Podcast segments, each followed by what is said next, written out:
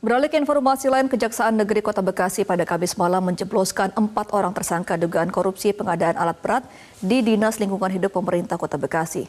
Pengadaan enam alat berat ini berasal dari anggaran bantuan pemerintah Provinsi DKI Jakarta senilai kurang lebih 22 miliar rupiah. Dengan dikawal ketat, empat orang tersangka dugaan korupsi di Dinas Lingkungan Hidup Pemerintah Kota Bekasi digiring menuju mobil tahanan untuk langsung dijebloskan ke lapak bulas kapal kota Bekasi pada Kamis malam.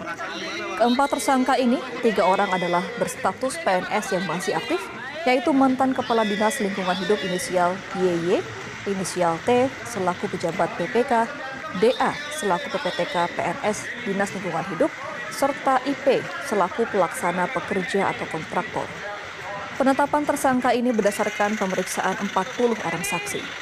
Para tersangka diduga melakukan korupsi pengadaan 6 alat berat di tahun 2021 yang merupakan anggaran bantuan Provinsi DKI Jakarta. Nilai pagu pengadaan sebesar kurang lebih 22 miliar rupiah. Para tersangka ini diduga markup harga 6 alat berat di mana negara senilai 5 miliar.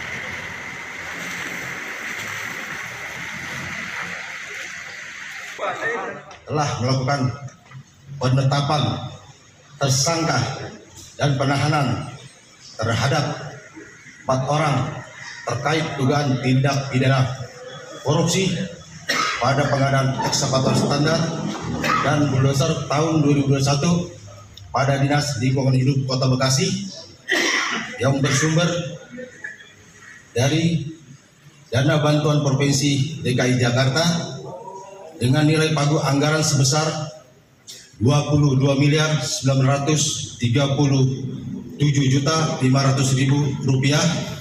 Jelajahi cara baru mendapatkan informasi. Download Metro TV Extend sekarang.